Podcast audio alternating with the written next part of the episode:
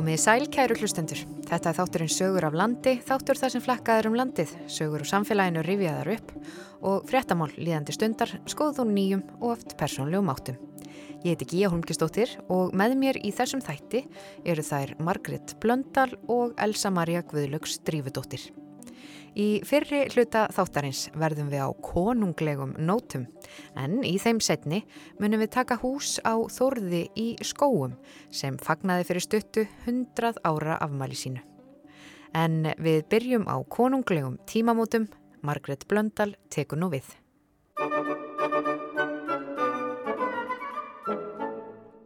Kristján Fjörði, Fridrik III, Kristján V Friðrik fjörði, Kristján sjötti, Friðrik fymti, Kristján sjöndi.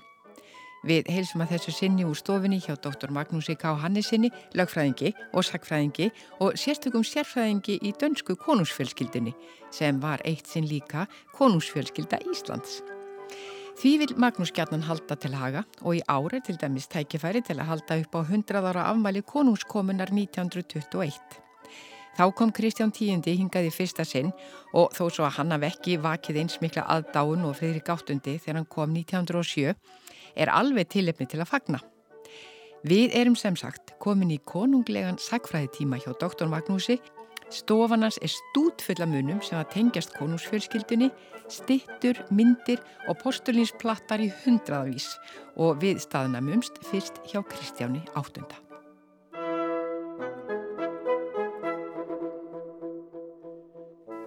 Hann er svo mörgum talin vera merkasti konungurinn sem var í Danmörku sem ríkti af þessum konungum. Hann var, hafði verið í Noregi og var konungur Noregs þegar að lætin urðu með vegna, vegna kílarsamningsins sem er einhver örlega ríkasti samningur sem Norðurlöndin hafa gert Nóriður og Danmörk voru í konungssambandi og í kílasamningum þá lætur uh, Danakonungur Noreg að hendi til Svíakonungs en Allafsas eigarnar sem voru undir Noregi þær fóru und, undir Danakonung, það er að segja Ísland, Færiðar og Grænland.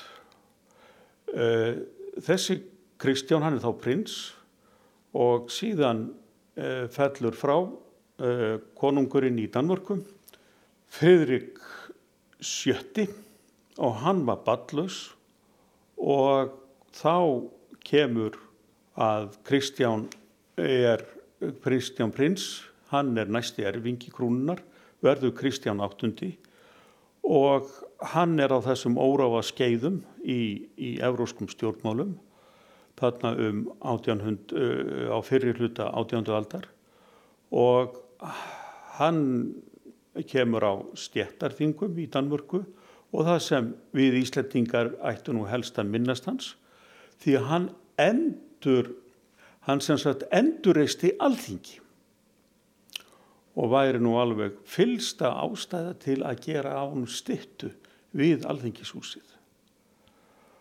Nú Sá sem tók við á honum var svonur hans sem var Fridrik sjöndi. Hann var bældin sem ungur maður og hafði átt mjög litríka æfi.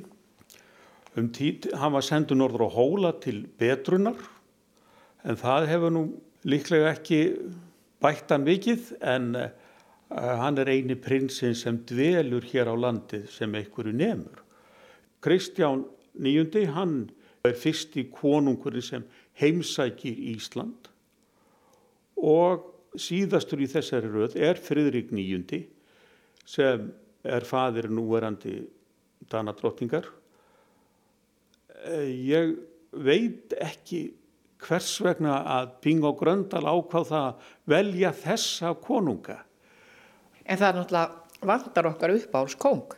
Það vantar uppgáður uppáhaldskonung sem er Fridrik eh, áttundi og hann, en hann ríkir í sex ár, sex-sjú ár og hann er nú sjálfsagt verið meira uppáhaldi hér á Íslandi en í Danmörku. Hann virðist hafa haft einstaklega ánægju af Íslandingum og var reyðubúin til þess að finna lausn á, á deilum sem þá voru orðnan millir Íslands og Danmörkur og konungskoma 1907 það er meiri háttar viðburður í, í, í sögunni og, og það er uh, allstar það sem konungurinn kemur, hann vinnur hug og hjörtu. Það er svolítið rugglingslegt að vita hvaða Kristján gerði hvað og hvaða Friðrik gerði hvað. Hvernig ferðu að því að, að munna þetta? Nei, ég, þetta er, er langklaup eins og kjarnan er sagt og uh, Kristján Fjörði, hann er svona höf og herðar en það hefur verið mitt mál að færa mig aftar svona hægt og bítandi. Það eru náttúrulega þessi skil að lukkuborgarættin tekur við Kristjánu nýjunda en nóta bene að, að drottningin, Lofísa drottning, hún var af aldinborgarætt. Þannig að þó að aldinborgarættin hún dó ekkit út, hún bara lifði í gegnum kvenleikinu. Hver var það sem að var kallaður tengdafaðir Evrópu? Það var Kristján Níundi. Hann dætur hans þær eru giftast þjóðhauðungjum Evrópu, rúsa keisara og uh, konungi Englas uh, og svo verður eitt sonur hans, hann verður, verður Gríkja konungur. E, en hvernig kemur Filipus heitinn Elisabetar maður inn í þetta allt saman, hann í Gríklandi? Já, hann er sem sagt sonarsónu Gríkja konungs, sem sagt uh, Kristján Íundi er langavans og eftir þeim erðareglum sem gildu allar götur eh, allt íslenska konungsríkið að þá var eh, skildi eh, konungurinn verða úr beinum karlag og Filipus hann fjall inn í þetta munstur. Þannig að ég kannu ekki alveg að rekna hvað hann hefði verið í röðinni til konungstóms á Íslandi en vissulega var hann þar og Þannig að við getum alveg sagt að hann hafi verið íslenskur prins. Að ég er ekki al, ég þóri nú ekki alveg að slá því föstu því að sko réttborinn þjóðhefningi til konungs í Danmörku það var alveg óháð þjóðverðninu það var fyrst og fremst það bara var hann í þessari línu sem kemur frá Kristjáni nýjunda Filipus prins er hann lítur náttúrulega agavaldi eh, grísku hyrðarinnar en ég þóri ekki alveg að slá því fyrstu að hann hafi verið Íslandsprins og Danmörkur þá hann hafi borið þennan titil prins af Gríklandi og, og Danmörku. En Magnús, hvernig stóða því að þú fegst svona brennandi áhuga á dönsku konungsfjölskyldinu, dönsku og íslensku konungsfjölskyldinu og fóst að sapna öllum þessum munum?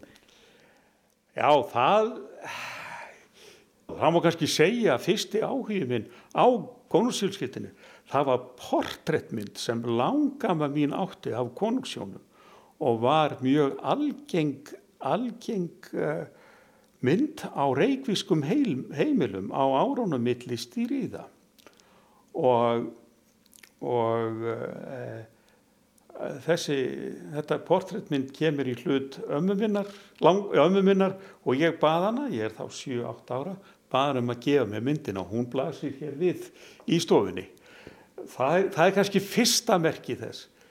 Og síðan á efri árum þegar ég fer að skrifa um fyrir sakfræði þá hérna heitlaðist ég út í þetta og ekkert kom annað til greina en að skrifa um, um konusríkið og það er mjög mér finnst Íslendingar sögu gladir sem þeir eru, það, er nú reynda breyst að þeir vilja, eins og þeir vilja gleima þessu tímabili 1918 til 1944 eins og það sé einhver skömm að því að, Ísland hafi verið konungsríki þvert að móti um að vera stoltir af sögu okkar og á því grunduðu sjálfstæðisbaratuna þannig að það þetta hefur stundum glemst og ég hef stundum verið að stríða munnum sagt, talað um íslensku konungsfjörskildan og það hefur ekki bröðist að menn sína mjög mikinn undrunarsvip. Nú getum við fagnað hundrað ára konungskomu í sumar.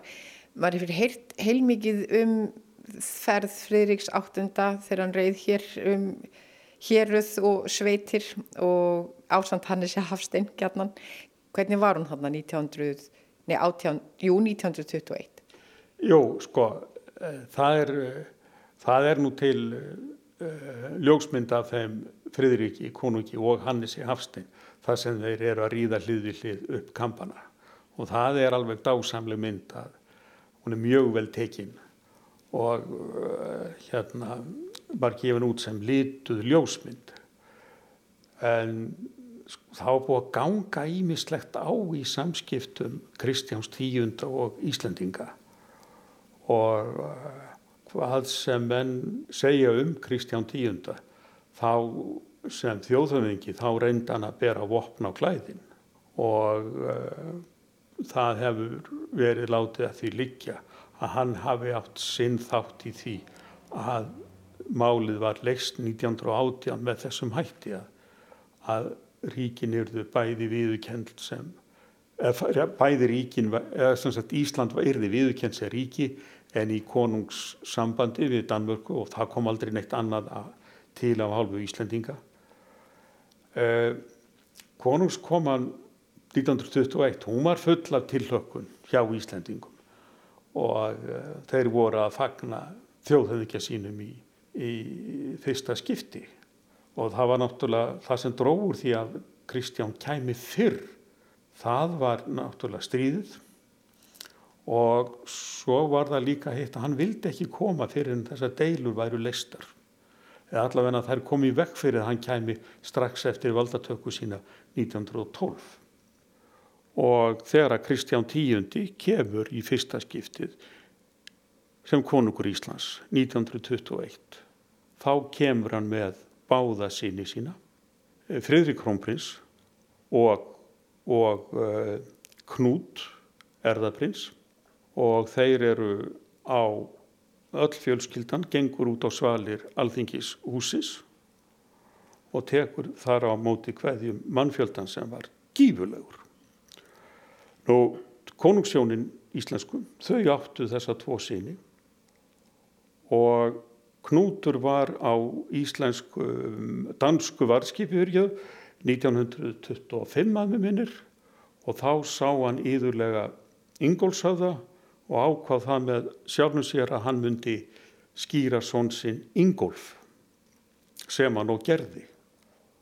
Hann, ég kann nú ekki nöfnin á hann um öll en það vandlega gætt að það væri því Kristján og Friðrik í nafninu en Ingólfur var nú nafni sem hann bar og það er náttúrulega eins hjá þeim hjónum eh, krónfrinsjónum að þau gefa dóttur sinni íslensk nafn því að þegar hún fæðist þá er konusíkið enn til staðar og hún er prinsessa Íslands og Danmörkur. Það má segja að þær prinsessur og prinsar sem voru við dönsku hyrðina frá 1918 eru jafnframt prinsar og prinsessur Íslands. Eh, sem hafa skrifað um þetta, þeir bera Kristjáni konungi kuldalegar hveðjur en það eru aðrir sem ber honum mjög vinsamleg orð og þegar að Ísland tók uh, yfir hérna eftir að hernám Danverkur og Íslandingar taka konusvaldið inn í landið að Kristján Tíundi gerði aldrei aðtóðsend við það og ekki heldur þegar að Sveit Björnsson var kjöri ríkistjóri, Danir gerðu engar aðtóðsendu við það en það var ekki þar með sagt að þeir væru sammála líðveldinu en það er annað mál En svona í lokin, Magnús, hver er þinn uppáhalds? Hver er minn uppáhalds konungur? Mm. Ég hef, hef nú mest verið að sísla með Kristján Tíunda og hann gerði nú eitt sem fyrir en hans gerðu ekki. Hann held dagbækur um ímislegt í lífi sínu og flokkaði þær. Það er sérstakar dagbækur um hernámið meðan það er og það eru sérstakar bækur um Ísland en það ná ekki út allt tímapilið. Þannig að hann skildi talsvert eftir sig. En uh, ég held að, að við látum Kristján áttunda vera, hann er sá konungur sem á glæsta eða svona verk hans þau eru nú, við sjáum þau enn þann dag í dag og ánægilegt að norðmenn gerðunum stittu og eins og ég segði á þann þá er það nú eiginlega alþingis að gera honum stittu en Fridrik áttundi hann er náttúrulega hinn ljúfi hinn ljúfi þjóðhauðingi okkar. Og uh, þegar ég var að byrja að skrifa mína rítgerð þá eiginlega alltaf því tafiðið af mig hvað ég var með mikla glíu augunum yfir Fridriki áttunda Magnús K. Hannesson hvernig á ég að titla þig? Þú ert með svo marga titla, þú ert eins og aðalsmaður. Já, ég er doktor í lögfræði frá Exeter Háskóla á Englandi. Ég er með eh, meistrapróf í sagfræði frá, frá Háskóla Íslands og svo er, er ég komið diplómanám í, í alþjóða samskiptum. Hvort ég haldi því áfram eða ekki, það bara veit ég ekki. Eh, en Já, þetta hljómar svo litið eins og titillin á, á Kristjáni tíunda og fyrirrönnum hans, her, konungur Íslands og Danmörkur, Vinda og Gauta, hertói í einhverjum gömlum hertóadæmum sem ég kann ekki að, að þylja en, en hérna móðuninn sem var fætt 1924, hún norður í Húnavarsíslu í Söðanessi hún sagði að börn hefðu verið að, að reyna að gætnan að læra alla þessa romsu. Eftir kannski til ég að renna aðeins yfir hann aftur svo að hlustendi geti æft sig og lært hann utanbókar. Við bara lesum hér upp úr stjórnarskrá konungsríkisins Íslands. Við er Kristján hinn tíundi á Guðsnáð konungur Íslands og Danvörgur, Vinda og Gauta, hertogi í Slesvík Holtsetalandi, Stórmæri, Þjettmerski, Láenborg og Aldenborg. Nú, við ennbættistöku Margreðar þá var nú allt þetta þurkað út og hún er drottning Danverkur, all þessi gömlu hertóðadæmi eru, eru farin. Dr. Magnús K. Hannesson, kæra þakkir fyrir konunglegar móttökur.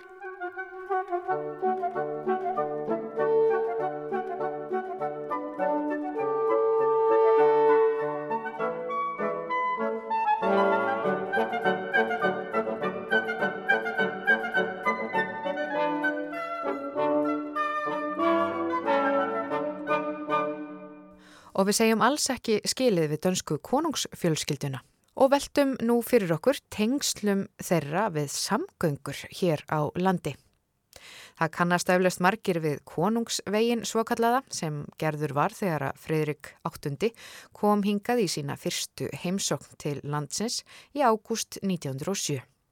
Menn töldu að konungurinn myndi kjósa ferðast um í yfirbyggðri léttikerru og þess vegna þurfti betri veg en Hann Friðrik, hann vildi nú ekki sjá neitt svoleiðis, heldur kaus að ferðast um á hestbaki eins og þá var lenskan. Það var svo árið 1973 að langafa barn hans, Margret Danadrottning, kom í sína fyrstu Íslands heimsókn og það má segja að hún hafi líka fengið veg. Sá vegur heitir Drottningarbraut á Akureyri. Við höldum nú að minnjasafnið þar í bæ og hittum Hörð Girsson sem sínir okkur nokkra ljósmyndir sem til eru af komu drottningar til höfuðstaðar Norðurlands. En byrjum í að rína í sjálfar vega framkvæmdirnar. Myndir sem við sjáum núna er af um, sagt, kjálkanum frá Krókeri og eila langleðina að Höfnisbryggju uh, komin en það er samt gat þarna í veginum mjög ábyrgandi eins og þeir hafa lagt af stað frá höfner og uh, stoppað bara stutt þar frá. En, en sagt, lagt síðan í það að, leggja veginn frá, frá suður suð frá krókerinni og eru komnir eiginlega bara uh, hvað er maður að segja á mótsvið eða já, mótsvið leirunasti eins og það er núna. Já og þarna sjást ykkur í svona varnargarðar, sjóvarnargarðar Já, þetta eru gömlu gardarnir sem að voru til að verja eh, þegar komu mikla sunnanáttir þá gekk alda þarna á landi í innbænum og um, þetta eru eldgamli sjóvarnagarðar sem við sjáum hérna og þetta er á fjöru greinilega. Já, og við sjáum hérna að það eru einhverjir eh, kannski krakkar hérna út á görðunum. Já, þetta er hópur af krökkum hérna. Þa, það var mjög, þetta var mjög vinsætt leikstaður innbæinga og uh, þau gætu verið þarna veiða eða eitthvað að leika sér. Eins og stendur í handreiti bókarinnar Ótrúlegt en satt eftir sagfræðingin Jón Hjaldarsson kemur fram að í oktober 1971 hóf Norðurverk vega lagningu sunnan akureyrar frá höfnesbryggju söður að flugstöð eins og sagði í auglisingu um þennan hluta Norðurlands vegar sem að vegagerð ríkisins kallaði svo. Í janúar árið eftir 1972 andaðist Fridrik Danakonungur fjörði. Þessi tveir atbyrðir áttu eftir að samtvinnast með óvæntum hætti í sögu akureyrar og festa þar djúft rætur. Þess var getið í tilkynningu um lát Fridriks konungs að hann og Ingiríður drottning hefði verið staðræðan í að heimsækja Ísland að vorri og nú tók dóttir Fridriks Margrét Þórhildur við af föður sínum. Þegar leiða árið þótti fórseta Íslands rétt að bjóða henni nýju drottningu Danaveldis í heimsókn. Margret Önnur þáði bóðið og var hennar vænst um áramótin, þó ekki fyrir en sumargengi í garð. Á meðan þessu vatt fram gerðust stór tíðindi á Akureyri.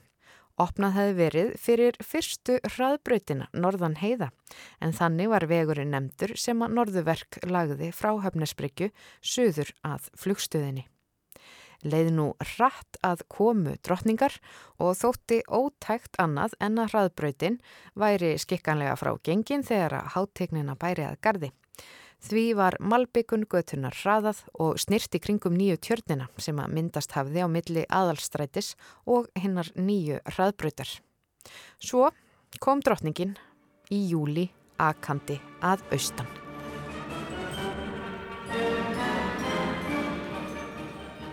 Já, hún lendir sko aðaldarsflugulli á Húsavík og byrjar þar og fer í Mjósett í mjögborgir um, á mótni og, og, og í Mjósett borðar hún háttegisverð og kemur síðan aðkandi til Akureyra og, og yfir síslumörk, við síslumörkin í Valaheiði er mikil aðtöfn, skátar og viðbúnaður og það hefur verið byggt hlið þarna yfir þjóðveginn í, í heiðinni og það stendur þarna hópur skáta krakka með með íslenska og danska fánan og, og á hliðinu er íslenski og danski fánin og, og skjaldamerki þau snýr á móti komu hennar. Við, við horfum semst aftan á hliðið. Og þarna stoppaði bílunlestinn og síslumadur uh, þingenga eh, segir skilji við þau og, og, síslumadur eifirringa tekur við og það er haldið áfram.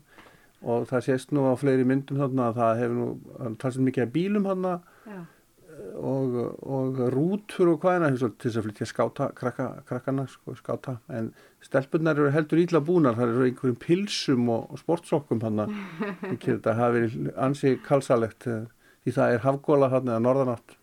Já, maður sér það á fánunum það, það eru blekta vel. Já, já, það er strekkings norðanátt hann og hún heldur áfram sagt, inn á gamlu brítnar innan við flugullin og kemur semst eftir drotningabröðinni aðkandi og, uh, og síðan er kert uh, upp í listigarð og uh, hann finnst að lesa fréttir eins og í degi frá þessum tíma fyrir komu hennar að er líst nákvæmlega hvað gött hún muni keira alveg bara þessi gata og svo næst þessi gata.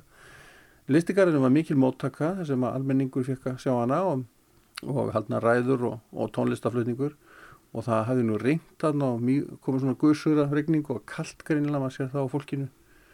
Já það, þegar hún kemur í listikæðin þá kemur semst að uh, Haldóra, frú Haldóra kona Kristjáns Eldjárn með henni við hliðin á henni og það er taka mútið blómum frá ungum stúlkum í um, ólafallegum uh, þjóðbúningum og um, og akkurrenga býða þarna bæði út á göttunni fyrir framal hlið á listigarðinum og, og inn í garðinum er mikill mannfjöldi líka og svo þurfti náttúrulega stelpunar, stúlkunnar að fá mynda sér með, með drotningunni en hún var í alveg eldröðri regnkápu og, og fórni mjög vel, mjög tískulega og, og flott klætt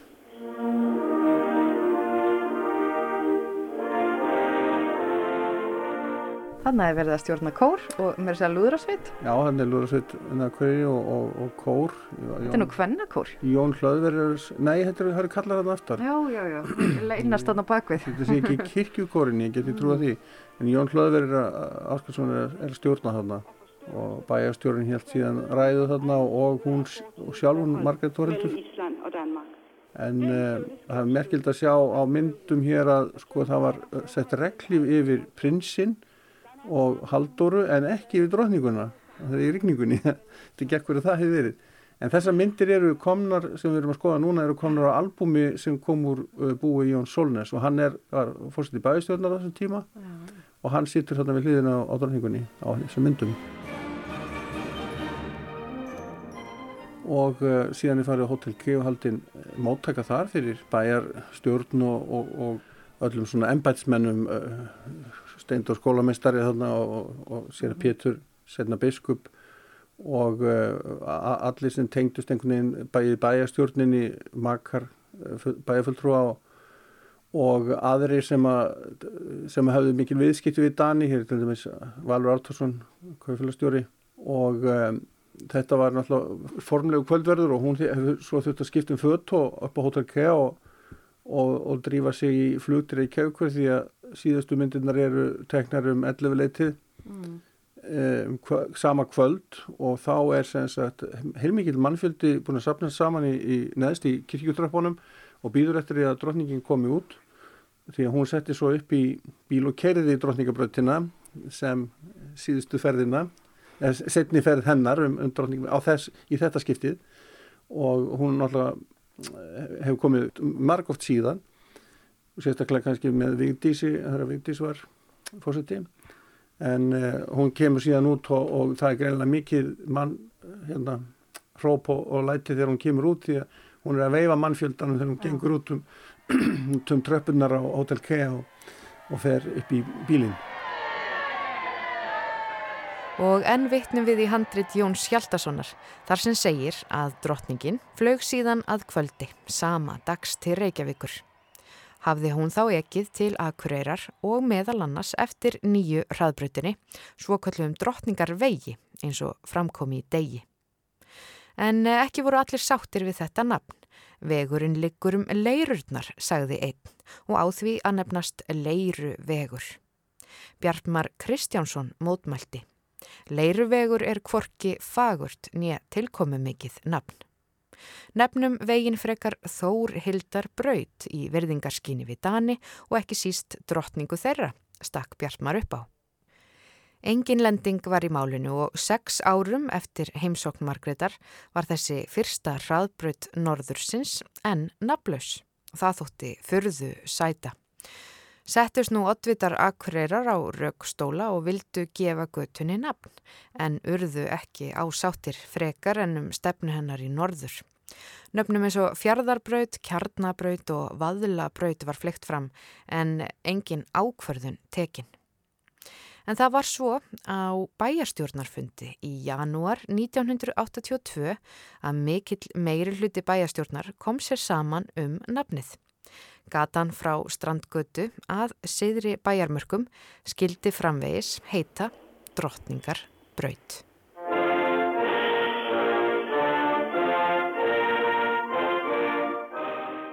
Þannig að hún fer aldrei í gegnum innbæinn þar sem að e, þjóðvegurinn hafði alltaf leiði í gegnum. Nei það er rétt. Þetta er náttúrulega gamla þjóðlegin bara allarleið frá hotnarfyrði til Reykjavíkur og allt austurland þurfti að komast í gegnum þessa götu aðstræti á Akureyri uh, þangað til drókningabröðin kemur. Og, uh, og því að brítnar, þegar brítnar koma á Suðurlandi þá hætta hotfyrringar að kera hér í gegn en, en þeir þurfti að koma þessa leið fram að því. En uh, hún kom, hefur komið fjölda oft hér á þess að nokkur hafi við vitað að því vegna þess að hún hefur á leysinu til dæmis til Grænlands þá hefur hún millilend á Akkurraflugulli og, og komið þá sérst með þóttu og lend hér og, og haldi síðan áfram í minni flugulum til þess að halda áfram til Grænlands.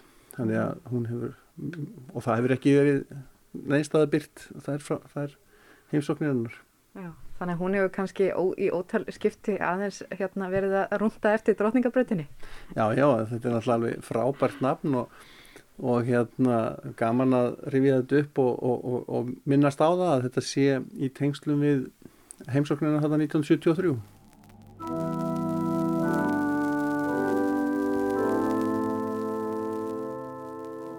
Já, sama ár og Kristján Tíundi kom í sína fyrstu heimsók til Íslands árið 1921 fættist á bænum Vallnatúni, drengur sem fekk nafnið Þorður. Það er Þorður Tómasson í skóum undir Eyjafjöllum sem fagnaði á dögunum 100 ára afmæli sínu. Guð hjálpi mér minn mest gagn ég það finn, skjótast að skjól finn, skrýði ég undir vang þinn.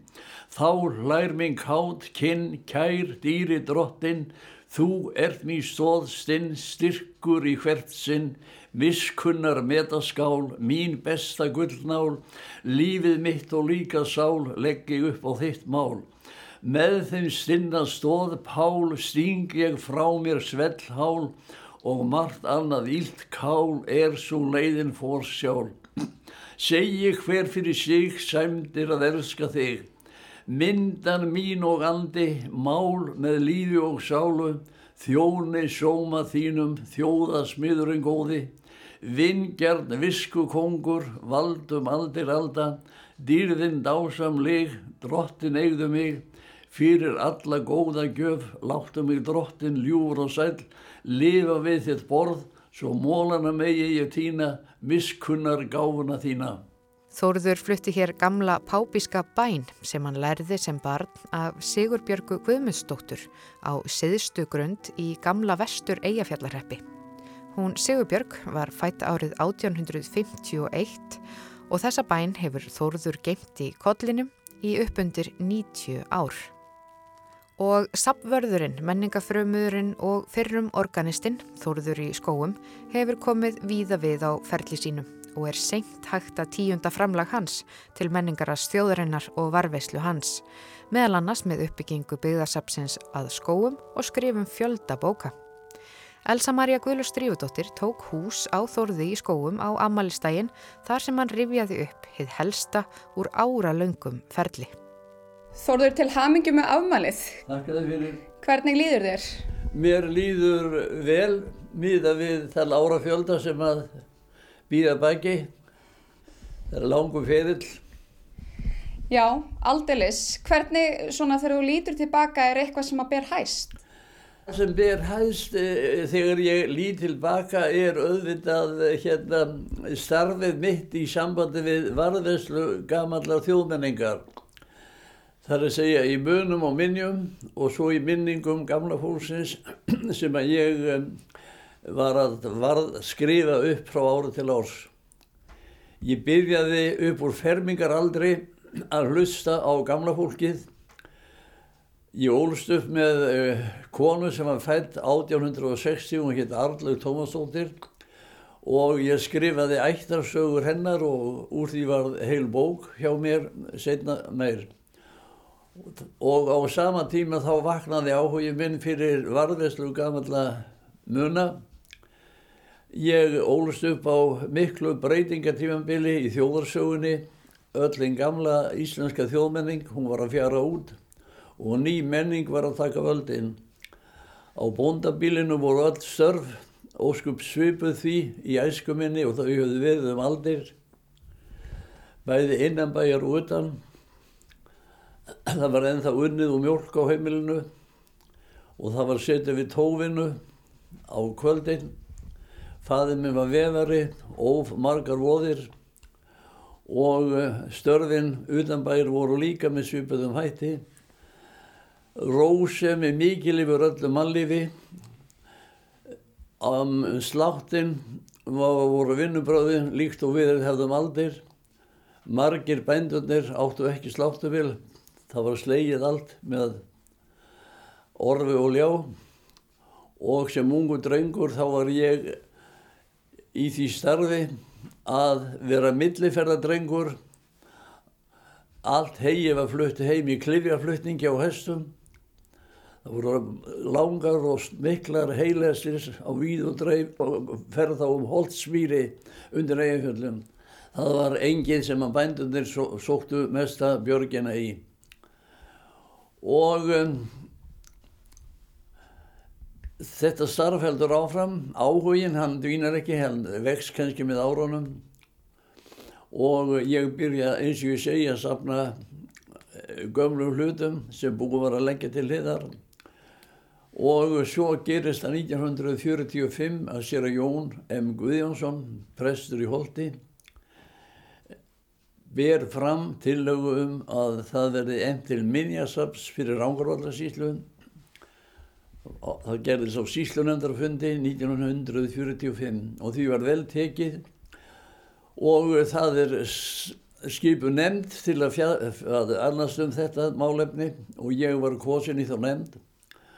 Þannig byrjaði starfið og ég fyrir svona í áfengum vitt og breytt um héradið að safna gamlu hlutum og var vel tekið af öllum nú um, árið 1952 þá uh, gerist það að vestur skattfællingar samþykja það að gága til samverðin við rángauðinga um minjasafn. Það var ekkert hús til fyrir minjasafn á þeim tíma en það var ný reistur héraskóli, glæsilegur skóli hér í sjóum og skólastjórin Magnús Gíslason var mikill áhuga maður um íslenska þjóðfræði, hann skrifaði kvöldvöku um íslensku kvöldvökuna. Og ég leitaði til hans eða við sem stóðum að þessu málefni. Og hann opnaði mjög fúslega skóla, skólan fyrir þessu, þessum sapnu vísi sem komin var. Það var innrættað herbergi hér í héraskólanum í skóum og það fór saman að uh, byrjun uh, uh, skóaskóla og opnum saps hér í skóum. Þetta litla sapn var opnað 1. desember 1949. Þannig byrjar þetta starf. Og um, 1954 þá er byggt hér lítið sapnús. Mesti dýrgripur sapsins er stærsti gripurinn í sapninu. Það er áraskipið Péturseg, sjögufrækt áraskip og Myrdal frá 1855 Egilur Guðmundsson, rítamundur á Hóli Myrdal, hann fjallaði mjög um þetta skip í bók sem heitir Pappi og Mamma. Og uh, það er uh, dagar þess, það horfið til þess að dagar þess eru taldir, austur í Víki Myrdal. Það var búið að standa þar upp í sandi all nokkun tíma og það er fluttingið á skóum. Það er hér, 1952, er hér úti í tvö ár og síðan er byggt þetta litla sapnús sem er bara umgerðan þetta skip. Það var aldrei umkomulaust í þessu litla húsi en um, árin liðu og það batnaði smátt og smátt í búi hér í skóum. Hér þessu hús, sapnús og um, sapnús sem var vikt hér opnað 19, 1993 að þar er í aðal sal, síningarsalunum, þar skartar þetta gamla skip undir möstrum og seglum og setja mikið svip á safnið. Á þessum sama tíma þá byrja ég á því að safna hinga gamlum húsum. Fyrsta húsi sem var endurbyggt var gömul og merkileg skemma frá varmalíðundir eigaföllum frá æskuheimili föðumins 1968 og ég framaldið því koma hann úr hús, merkileg skarsúða baðstafa úr landauðjum. Fyrsta timburhús í vestur Skattafarsíslu frá 1878 var byggt, endur byggt hér upp í brekku og gömul bæjarhús frá skál og síðu með fjósbaðstofu. Það var draumur minn að fá hingað fjósbaðstofu frá skattalingum og eh, við fengum bæinn í skál og síðu sem er mjög dýrmætt heimild einmitt um þessa bæjargerð. Barnaskóla fengum við fyrsta barnaskólan sem byggður var í Mýrdal árið 1902 frá Littlakam í Mýrdal og það hús sem að kannski stendur á huga mínu næst það er Skóa kirkja sem var víð 14. júni árið 1998 á indislega fallegum sóludegi. Já, endur byggingu, byggingu gamalla húsa þá ber hæst kannski skóa kirkju.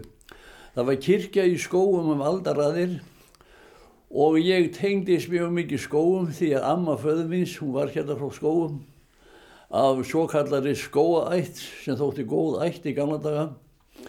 Svo kirkja var aðlöð 1890 svo hér var kirkjulaust í skóum í um, mörg ára og eh, einu sinni var ég að hugsa um að fá aflagða kirkju einhverstar út á landi og flytja hana hingað.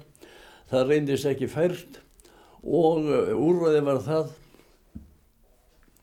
að hér var reist kirkja eftir teikningu Hjörleifs Stefánssonar arkitekts og svo teikning byggðist alfarið á e, minnjum úr gamlu kirkjum sem ég var búin að sapna hingað á skóum og kirkjan hún er svona vittnis, hún þelur í sér byggingar hluta um uppundir 20 og 20 kirkjum og svo kirkjugreipir ví, vísögur að þetta setja mikið svip og sapsveði í skóum og þegar ég líti yfir þetta svona í heild þá er þetta raunverulega stórt æfintýri.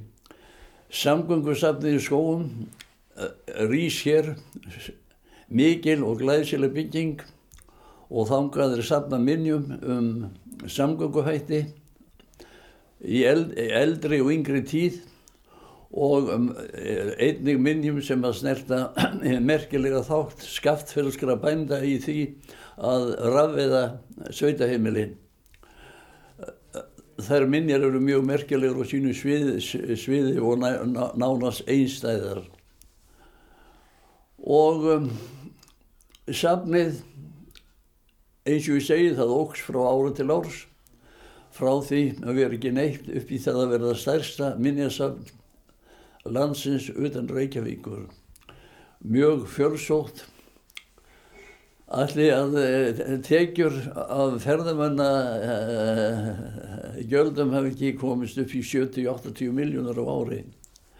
Hér var gestaþröng geysilega mikil, má segja allt áraðum kring.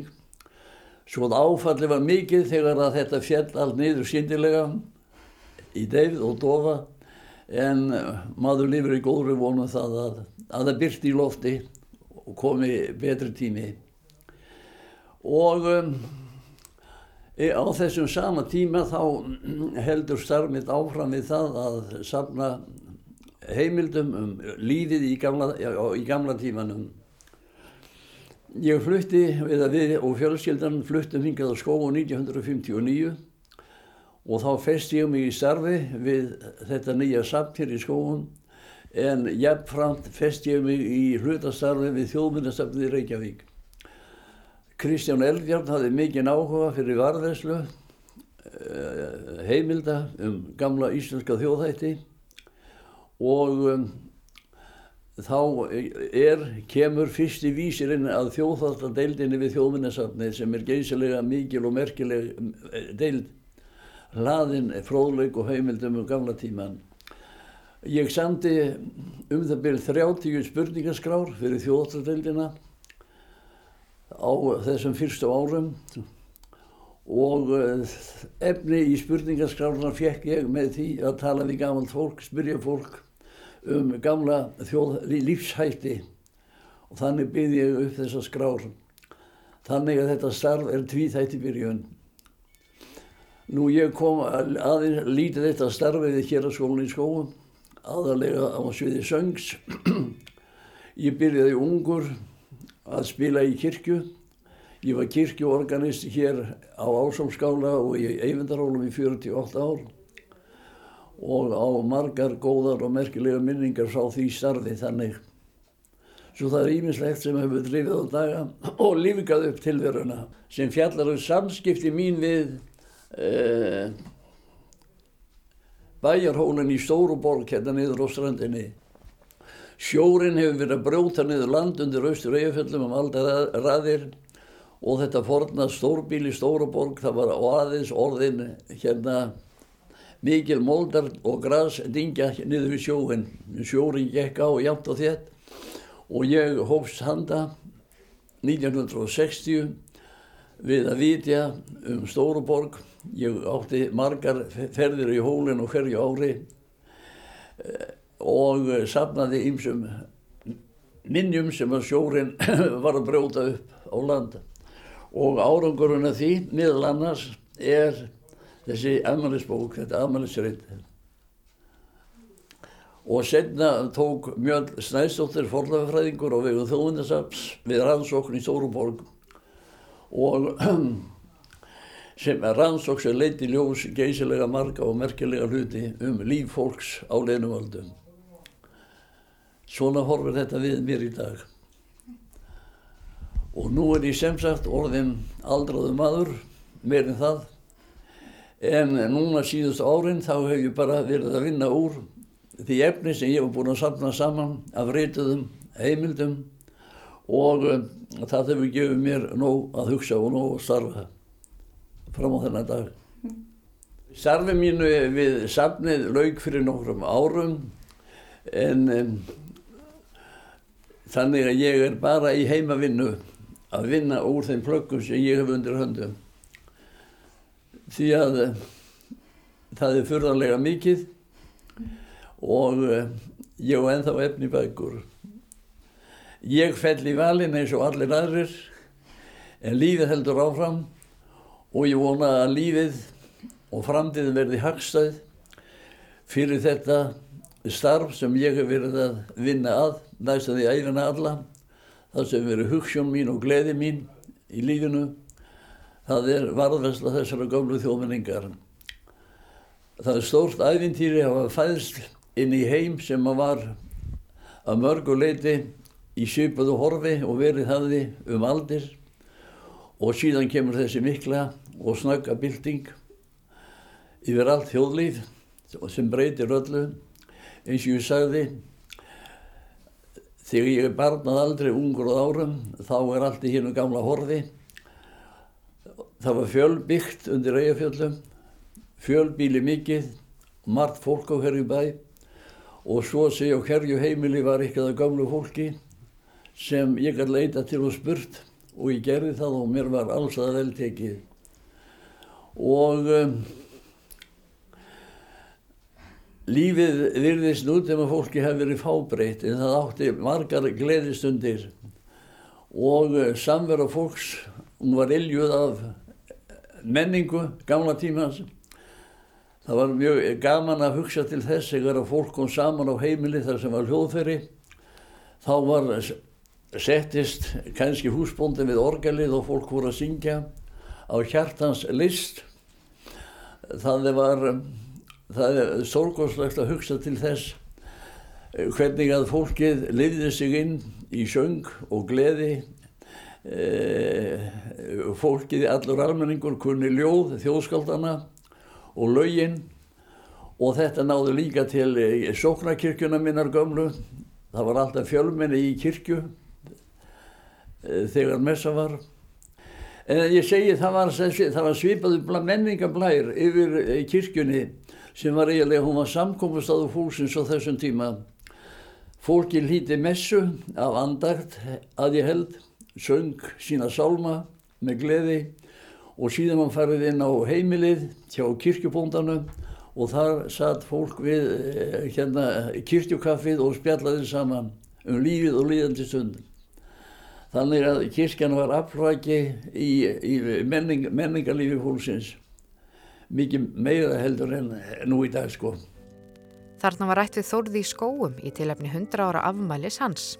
og þess má geta að Þórður sendi nú frá sér sína 30. bók sem ber titilinn Stóra borg. Og þá er komið að lokum í sögum á landi í dag.